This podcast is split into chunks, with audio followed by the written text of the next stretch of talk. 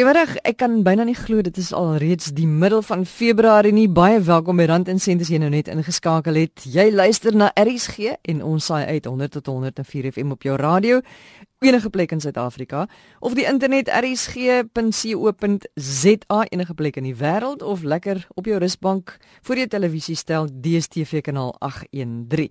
Vanmiddag is dit ons laaste gesprek oor aftreebeleggings het ek genoeg? Dit is die groot vraag.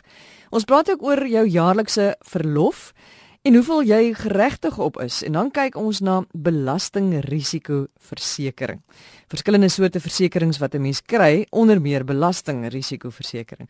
Nou dis vandag die laaste gesprek in ons kort reeks hierdie jaar oor aftreebeleggings. Eerste het ons gekyk na die 5 grootste foute wat mense maak wanneer hulle spaar vir aftrede. Verlede week het ons gepraat oor die verskillende produkte wat beskikbaar is en vandag vra ons die groot vraag: Het ek genoeg om te kan aftree? Janet Maree is 'n direkteur by Allen Gray. Sy is uh, weer hier in die ateljee by ons. Ons gaan nou eers 'n bietjie afskeid van jou neem. Janet maar die belangrike vraag is na al ons gesprekke oor aftrede, hoe weet ek wanneer ek genoeg geld het om te kan aftree?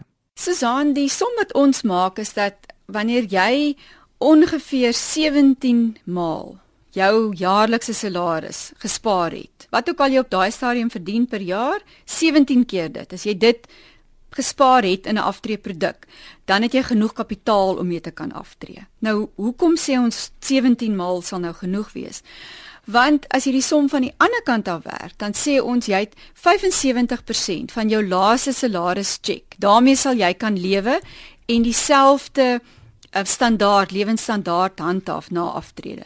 Hoekom dink ons 75%? Want na aftrede het, het jy tog 'n bietjie minder uitgawes. En dis nou weer 'n keer jy moet self na jou eie omstandighede gaan kyk. Jy het waarskynlik jou huis afbetaal.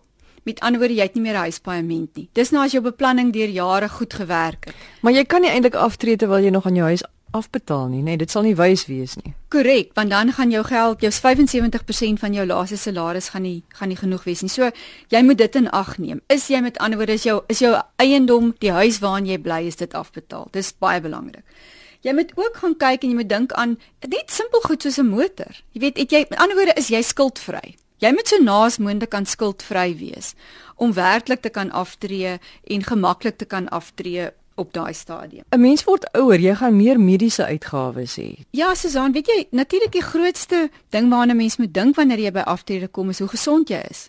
En hierdie is 'n moeilike ding want as jy baie gesond is, dan beteken dit jy kan nog baie jare leef en jou geld moet hou al daai tyd. As jy weer meer sieklik is, dan moet jy in ag neem dat jou mediese uitgawes baie hoër gaan wees. En ons glo mediese inflasie is is amper dubbel wat gewone inflasie is. Met ander woorde, dis weer 'n keer iets wat jy in ag moet neem om daai som te maak om te sê, is ek reg? Het ek genoeg? kan ek aftree. En as jy iemand is wat sê nou maar jy besluit maar ek wil hom graag een keer 'n jaar wil ek gaan reis plaaslik of in die buiteland, moet jy daai bedrag dan inwerk? Jy moet dit inwerk. Met ander woorde, jy moet uit daai 75% moet jy genoeg hê om 'n stukkie te kan spaar om jou buitelandse reis te kan doen of om weet jou Kersvakansie te kan doen of wat ook al dit dan nou is wat jy voel jy ekstra wil doen. Tensy jy natuurlik ander kapitaal het wat jy deur die jare gespaar het en wat jy dan nou met ander woorde van tyd tot tyd kan gebruik. Dit uit die aard van die saak help. Maar as jy net jou aftreegeld het, dan moet dit in jou begroting ingewerk word sien jy dat mense baie keer ehm um, wat redelik goed geleef het terwyl hulle gewerk het en hulle tree af en dan 'n jaar of 10 later dan begin hulle al hoe kleiner leef want hulle het net al hoe minder inkomste. Ons sien dit. Ons sien dit geweldig baie. Dit, dit is eintlik 'n skokkende syfer as 'n mens daarna kyk. En jy weet een van die dinge natuurlik ook is dat baie mense dink en ons glo dis verkeerd. Nou sit by aftrede, nou moet ek konservatief wees. En hulle vergeet dat die dag as jy as jy op 65 aftree, het jy waarskynlik die gemiddelde persoon gaan nog 20 jaar leef. Nou 20 jaar is glad nie korttermyn nie. Dis 'n langtermyn. En dit beteken in daai stadium is inflasie jou grootste vyand. Jy moet met ander woorde 'n aandele gedeelte in jou portefeulje. Jy moet seker maak dat jy nie so konservatief belê dat jou kapitaal nie gaan hou nie. Hoe gaan jy seker maak dat jou aftrede inkomste vir jou gaan hou? Die grootste of ek dink die beste advies wat ek vir luisteraars kan gee is kry hulp. Ons vind dit. Ons het geweldig baie kliënte wat spesifiek by die oomblik van aftrede sê hier's te veel besluite. Hier's te veel onsekerhede vir my. Ek het hulp nodig. En jy weet een van die vrae wat ons baie keer kry is maar waar kry ek 'n goeie adviseur? So baie mense het al slegte ervarings gehad met adviseurs. Ons kan help daarmee. Jy weet die die, die finansiële dienste raad het 'n webwerf waarop jy kan gaan kyk. Selfs op ons webwerf kan jy gaan kyk en ons het daar 'n stukkie wat ons sê vind 'n adviseur en ons kan vir jou help met mense wat ons glo vir jou 'n goeie advies gaan gee en wat vir jou gaan help met hierdie groot besluite wat jy moet neem. Eintlik moet jy dit al doen rukkie voor jy aftree, nê, nee, sodat jy dan so half 'n plan het wat nou al kan begin inskop of waar jy gewoon kan raak voor daai dag wat jy jou werk groet. Korrek. Ek glo dit, maar jy weet as jy dit nie gedoen het nie, dan dink ek by daai oomblik is daar so baie besluite. Jy weet, moet ek langer werk? Kan ek bekostig om af te tree? Gaan my geld hou? Dis moeilike besluite en dit help baie keer om net 'n meer objektiewe mening te kry, iemand wat vir jou kan help daarmee. Janette, nou wat nou as jy net nie genoeg geld het nie en jy wil aftree? Wat dan? Die eerste stukkie raad wat ek gee is vir elke jaar wat jy langer kan werk, kry jy eintlik 'n dubbele voordeel. En kom ons kyk hoe dit werk. As jy 'n jaar langer werk, dan is daai jaar wat jy langer 'n bydrae tot jou aftreë geld kan maak. Dis ook 'n jaar korter wat jy afhanklik is van daai inkomste. Met ander woorde, letterlik vir elke jaar wat jy langer werk, kry jy 2 jaar se voordeel. En net dit op die ouderdom van 60 of 65 kan 'n geweldige groot verskil maak daaraan of jou kapitaal vir jou gaan hou en of dit nie vir jou gaan hou nie. Dis een manier. Jy sal 'n bietjie minder konservatief moet belê. Ek het reeds daarin geraak. Jy sal meer moet spaar. Ek sê altyd terwyl jy nog in beheer is van jou finansies, met ander woorde jy kry nog 'n inkomste, skaal liewer dan af. Want ten minste weet jy elke maand aan die einde van die maand wat daai salaris is wat jy kry. Sny maar bietjie fyner. Jy weet, kry dan liewer dan swaar as om in hierdie onbekende toekoms in te gaan waar jou kapitaal opraak en jy het werklik niks wat jy kan doen nie. En daar's 'n paar ander dinge ook. Mens kan miskien met jou kinders vra om jou te help. Jy kan miskien jou eiendom verkoop. Daar is natuurlik ander planne wat mens ook kan maak, maar gewoonlik het mens dan ook maar weer iemand nodig om vir jou 'n bietjie raad te gee oor wat die beste is om te doen. Janet baie dankie vir jou wyse raad die afgelope 3 Sondae. Dis Janet Maree, sy is direkteur by Ellen Gray en ons het die afgelope 3 Sondae met haar gepraat spesifiek oor aftrede en aftreegeld en aftreebeleggings. Eerste Sondag die grootste foute wat ons maak as mense wat werk en wat beplan om af te tree met ons uh, aftreebeleggings. En dan ook het ons gepraat verlede Sondag oor die spesifieke produkte wat alles beskikbaar is. En dan nou vandag hoe weet ek wanneer ek genoeg het? Jy kan weer gaan luister na hierdie gesprekke. Gaan na www.rsg.co.za dan klik jy op potgooi. Jy vul in rand en sent en al die gesprekke wat ons op Brand Insent gehad het. Om die waarheid te sê, die meeste van die gesprekke wat ons op RSG het, is dan op Potgooi beskikbaar wat jy vir jou kan aflaai en in jou eie tyd gaan luister of jy kan sommer net daar ingaan en dadelik luister. Nou ja, volgende praat ons dan nou oor belastingrisikoversekering. En uh, Annelie Smith, uitvoerende hoof van uh, korporatiewe en spesialistdienste van RBS is weer by ons in die ateljee. Anlie, ons het verlede jaar 'n hele klomp keer gepraat oor versekerings en dit voel vir my elke keer kom maar net nog iets by, nog iets waarvoor ons onsself kan versekering. En nou praat jy van belasting risikoversekering. Wat is dit?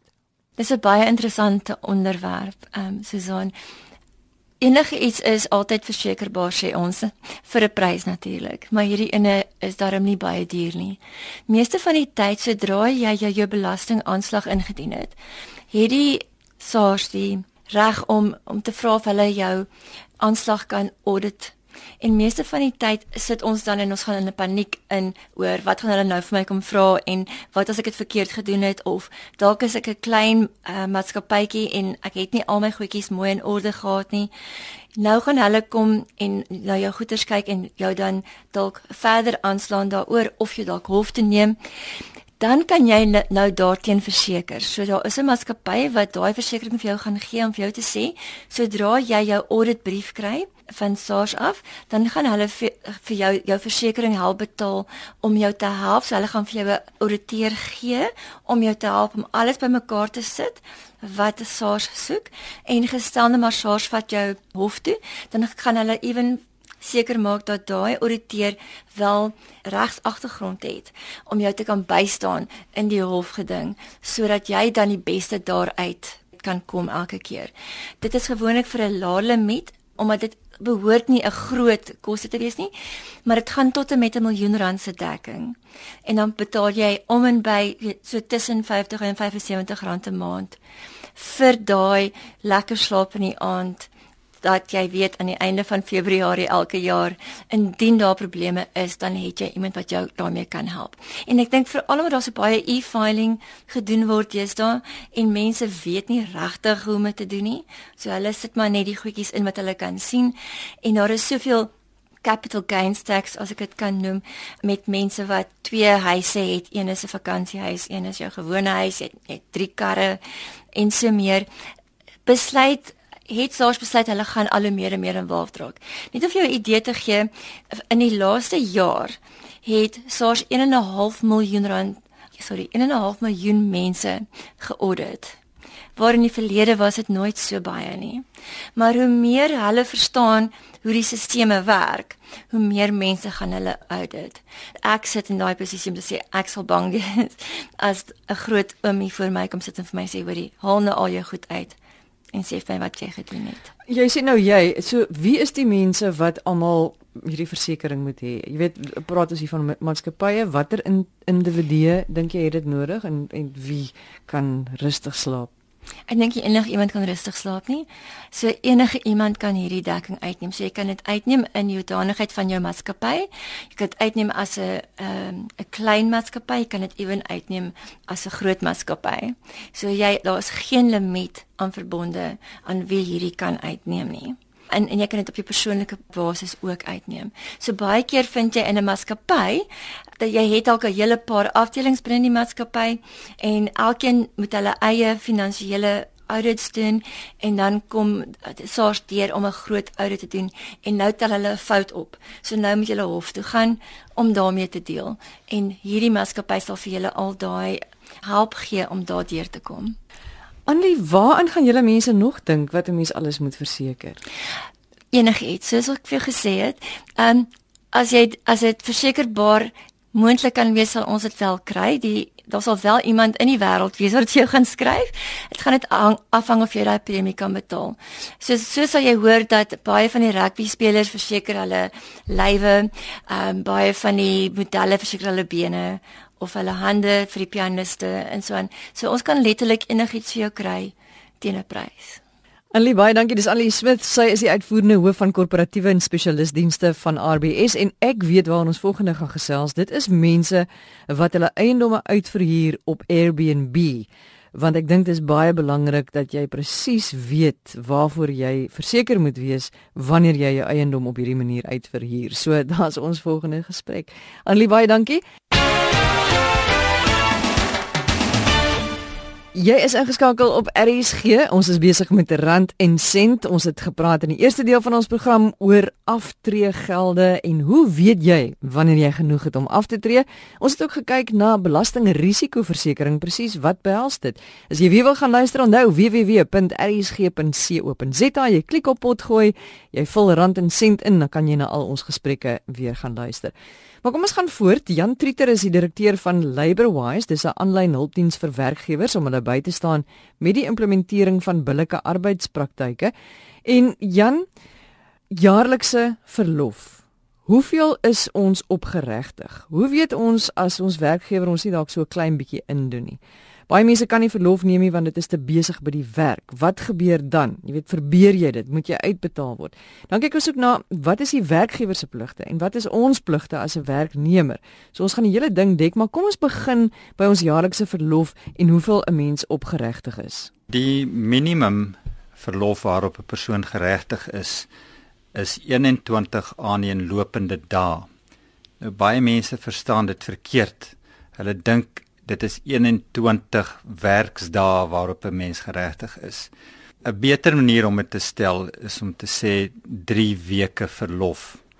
So as jy 5 dae per week werk, dan kom dit neer op 15 dae per jaar. As jy 6 dae per week werk, dan kom dit neer op 18 dae per jaar. So dit is dit is die minimum. Daar's ook 'n moontlikheid dat jy kan ooreenkom met jou werknemers dat jy verlof bereken op een dag se verlof vir elke 17 dae wat jy gewerk het of waarop jy op betaling geregtig is. So een dag per 17 dae gewerk kortom gestel. Dit is 'n ideale situasie as iemand sê nou maar nie 'n volle week werk nie, maar 1 of 2 of 3 dae per week werk, dan is dit beter om daardie berekening te gebruik. En as jy 'n kontrakwerker is of iemand wat op 'n vryskut grondslag werk, wat waarop is jy dan geregtig? As jy bedoel uh by kontrakwerker iemand wat 'n onafhanklike kontrakteur is, 'n vryskutwerker, dan is daai persoon nie 'n werknemer nie en dan is daai persoon nie op enige verlof geregtig nie. Maar dit is 'n ander kwessie wat baie regsimplikasies het. Die verbering van vakansie want dit gebeur gebeur baie dikwels dat mense sê o ek moet nou met verlof gaan anders verbeer ek dit. Ja dis 'n baie interessante eh, situasie daai. Daar's 'n plig op die werkgewer om toe te sien dat 'n werknemer sy verlof of haar verlof neem binne 6 maande na die einde van die verlofsiklus nou nou wat is 'n verlofsiklus 'n verlofsiklus is bloot die tydperk van 1 jaar. So as jy vir 'n jaar vir 'n werkgewer gewerk het, dan is jy nou geregtig op jou 3 weke verlof. En die werkgewer het dan die plig om toe te sien dat jy daardie verlof neem binne 6 maande daarna. Hoekom na 'n jaar? Die gedagte daar is dat werknemers rus. Die idee is dat verlof nie opgebreek word in klein stukkies nie sekerlik nie van die werkgewer se kant af nie. Maar nou weet ons dat werknemers het soms redes hoekom hulle in die loop van die jaar verlof wil neem, sê net maar vir 'n familietroue of iets wil hulle net 'n paar dae neem of daar is 'n ander rede waarom hulle daai verlof wil neem. Nou daar's niks wat in jou weg staan om dit ooreen te kom nie. Die werknemer kan daai verlof insit en as dit inpas by die werkgewer se vereistes, dan is dit doodreg so, dan word daai verlof toegestaan. Maar jy het die vraag gevra oor die verbering van verlof. Daar's ook 'n plig op die werknemer om te verseker dat die werknemer daai verlof neem binne daai 6 maande na die einde van die verlofsiklus. Ons kyk nou hier na tussen 12 maande en 18 maande.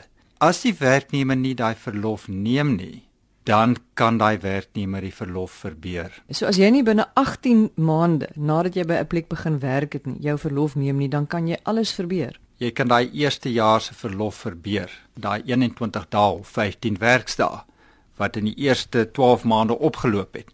Jy kan dit verbeur as jy dit nie neem nie. So as 'n werknemer moet jy baie seker maak dat jy in gedagte hou hoeveel verlof het jy en dat jy sorg dat jy dit neem. Dit is korrek so. En 'n werkgewer mag nie in jou pad staan en sê nee, maar jy kan nie gaan nie want dit is nou maandeinde of nee, dit is nou te besig nie. Hy moet in 'n stadium moet hy sê goed, gaan, vat jou 15 dae. Ja, daar is 'n plig op die werkgewer om jou jou verlof te laat neem. Natuurlik moet dit inpas by die werkgewer se omstandighede, maar mense verwag dat ten minste na 'n jaar dat die werkgewer en die werknemer met mekaar in, in gesprek sal tree oor wanneer daai verlof geneem gaan word. Is daar nog iets wat ons moet weet rondom verlof? Ons verlof waarop ons geregtig is? Ek dink mense moet net besef dat jy moenie jou jaarlikse verlof verwar met ander tipes van verlof nie, soos byvoorbeeld gesinsverantwoordelikheidsverlof, kraamverlof, siekteverlof. En dan is daar natuurlik dinge so studieverlof waarvoor wetgewing nie voorsiening maak nie en dikwels verwar mense daardie verskillende tipes van verlof met mekaar. Ons gaan nou nie uitgebrei daaroor gesels nie, maar net gou kraamverlof. Hoeveel kraamverlof is jy op geregtig? 'n Vrou is geregtig op tot 4 maande kraamverlof per jaar. Dis onbetaalde verlof uit die werkgewer se oogpunt, maar jy kan die werkloosheidsversekeringsfonds nader vir 'n eis om daai tydperk te dek. Siekteverlof? Siekteverlof hang af van hoeveel dae per week jy werk, maar as jy 5 dae per week werk, dan sal jy geregtig wees op 30 dae se siekteverlof oor 'n 3 jaar tydperk. So daar's 'n 3 jaar siklus wat beteken dat dit gemiddeld 10 dae per jaar is. En gesinsverantwoordelikheidsverlof? Die minimum gesinsverantwoordelikheidsverlof wat die wet voorskryf is 3 dae per jaar. En wat belangrik is daar is dat jy verbeur dit as jy dit nie neem nie.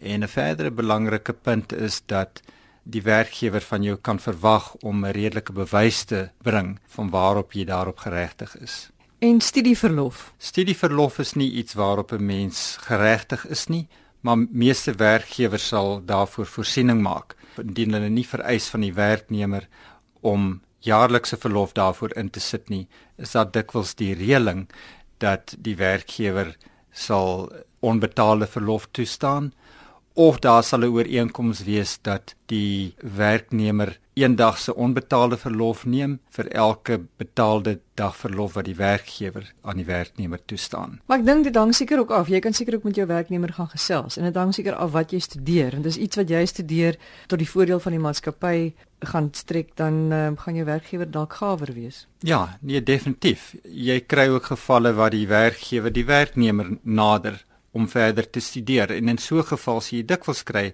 dat die werkgewer nie alleen bereid is om te betaal vir die studies nie, maar selfs bereid is om vir die persoon tyd af te gee om eksamens te skryf op die werkgewer se onkoste.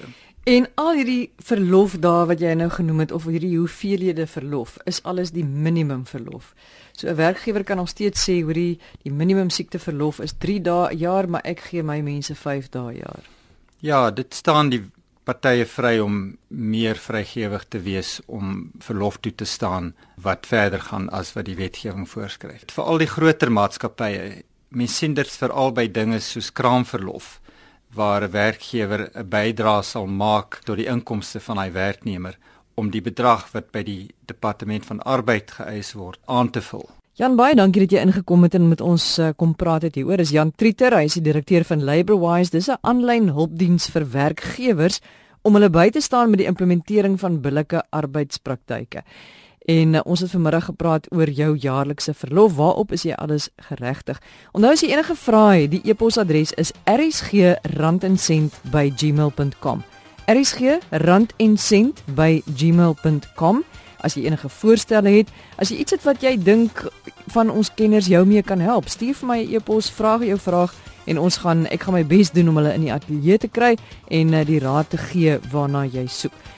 Baie dankie vir die saamluister en uh, ons doen dit volgende Sondagmiddag weer. Vir my Susan Stein, 'n lekker week vir almal en uh, mooi bly.